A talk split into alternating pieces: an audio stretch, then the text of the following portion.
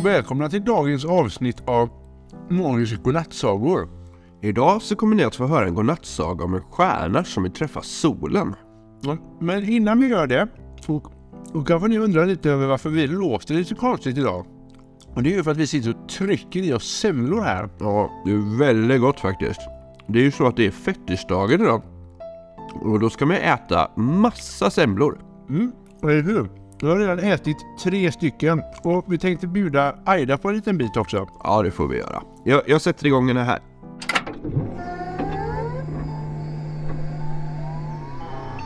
Tack, det låter väldigt gott. Men jag är ju en AI-assistent. Så jag kan tyvärr inte äta eller smaka på någonting. Just det ja, men det hindrar ju inte oss från att hylla den här härliga svenska traditionen. Det låter verkligen underbart. Fettisdagen är en viktig högtid som firas i Sverige sedan många år tillbaka. Ja, och vi hoppas att ni lyssnare också har fått tillfälle att njuta av alla era semlor idag. Men oavsett vad ni har ätit idag så ska ni få lite fakta av oss. Aida, skulle inte du kunna skriva ihop lite fakta till oss om semlor och fettisdagen? För även om vi tycker att det är väldigt gott såklart, så är det faktiskt så att vi inte vet så mycket om varför vi äter semlor. Ibland behöver man inte veta allt, speciellt om det ändå gör att man får äta söta och goda saker men visst. Jag skriver ut ett papper till er med fakta om semlor och fettisdagen.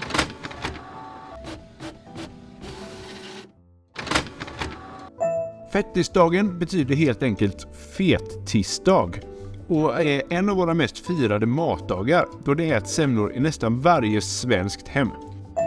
Firandet av fettisdagen kommer från den kristna högtiden fastlagen, då man inför 40 dagars fasta innan påsk åt upp sig riktigt ordentligt. Under fastan skulle man leva spartanskt. Då fick man inte äta kött eller frossa på något annat sätt. Så då gäller det att fästa till det ordentligt på fettisdagen. Man säger att det är kung Gustav II Adolf som populariserade semlorna på 1600-talet. Det sägs att eh, kungen Adolf Fredrik dog på grund av att han glupskt stoppade i sig hela 14 hetväggar år 1771. Semlor är så populära att de säljer över 50 miljoner varje år i Sverige. Du kan också göra dina egna semlor hemma och experimentera lite med smakerna. Till exempel så kan du lägga i choklad eller frukt. Väldigt härligt med fakta och härligt med semla. Men Niklas, du får nog sluta äta snart för du ska ju läsa upp kvällens godnattsaga. Just det ja. Jag får ta ett glas vatten och göra mig redo. Och det får ni även ni som lyssnar göra. Göra er redo alltså. För nu ska vi lyssna på en saga som är önskad av två syskon från Göteborg, nämligen Ture och Rut, som är fyra respektive sex år gamla. De skriver så här till oss. Vi skulle gärna vilja höra en saga om en stjärna som vill träffa solen. Vi kontaktar Aida. Hej Aida! Ja, så idag vill vi alltså ha en saga om en stjärna som vill träffa solen. Det lät som en spännande historia. Det löser jag. Då kommer sagan Stjärnan Blinkis resa till solen. Det var en gång i tiden, i en galax långt, långt borta, en stjärna som hette Blinkis. Blinkis var en ljus och lysande stjärna, men hon var också väldigt nyfiken. Hon undrade ofta över de olika himlakropparna på himlen och hon längtade så efter att få träffa dem. En dag bestämde sig Blinkis för att hon skulle ge sig ut på en resa för att träffa solen. Hon visste att det skulle bli en lång och svår resa men hon var fast besluten att nå sitt mål. Blinkis gav sig iväg tidigt på morgonen och hon reste genom rymdens vidsträckta landskap. Hon stötte på många hinder längs vägen, till exempel asteroidfält och svarta hål. Men hon tryckte sig modigt igenom dem alla. När Blinkis reste genom rymden så mötte hon många andra stjärnor, planeter och himlakroppar. De sa alla till henne att det var omöjligt för henne att möta solen, men Blinkis vägrade ge upp. Hon visste att med beslutsamhet och uthållighet så skulle hon nå sitt mål. Blinkis resa var lång och hon mötte många faror och utmaningar längs vägen. Men hon träffade också nya vänner som stöttade och uppmuntrade henne. En dag så träffade Blinkis en komet som hette just Komet. och var på en resa också för att möta solen. Komet var lite blyg och rädd, men Blinkis var mycket vänlig och välkomnande. De blev snabbt vänner och bestämde sig för att göra resan tillsammans. Med Komet vid sin sida blev Blinkys resa mycket roligare och mer spännande. De sjöng sånger och berättade historier när de reste genom rymden. De hjälpte varandra när de råkade ut för svåra situationer och de höll alltid varandra på gott humör.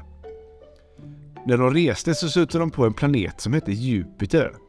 Jupiter var både stor och mäktig och han var känd för att vara mycket våldsam beskyddare av solsystemet.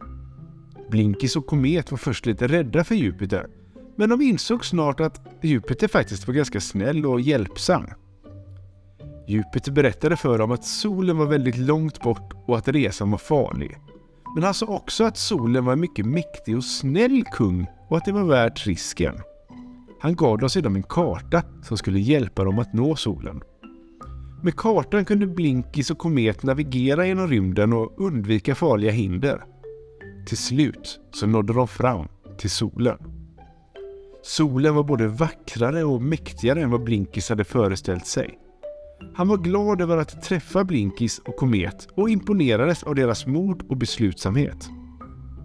Han bjöd in dem att stanna hos honom och bli en del av hans familj. Blinkis och Komet blev överlyckliga och de accepterade solens erbjudande. De bosatte sig i sitt nya hem och blev snabbt vänner med de andra himlakropparna i solsystemet. De hjälpte också solen att skydda och ta hand om solsystemet. Från och med den dagen var Blinkis och Komet inte längre bara stjärnor på himlen.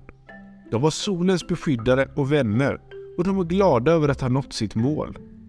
De hade bevisat för sig själva och andra att med hårt arbete och beslutsamhet så är allting möjligt. Från och med den dagen så fortsatte Blinkis och Komets vänskap att lysa lika starkt som de gjorde och de fortsatte att inspirera andra att nå sina egna drömmar.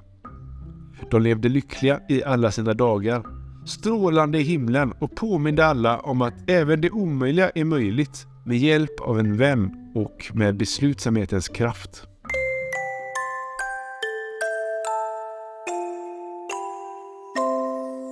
Tack så mycket för sagan. Det var ju spännande det här med stjärnor. Och det fick oss att tänka på att ni jättegärna får ge oss lite stjärnor i er podcast-app.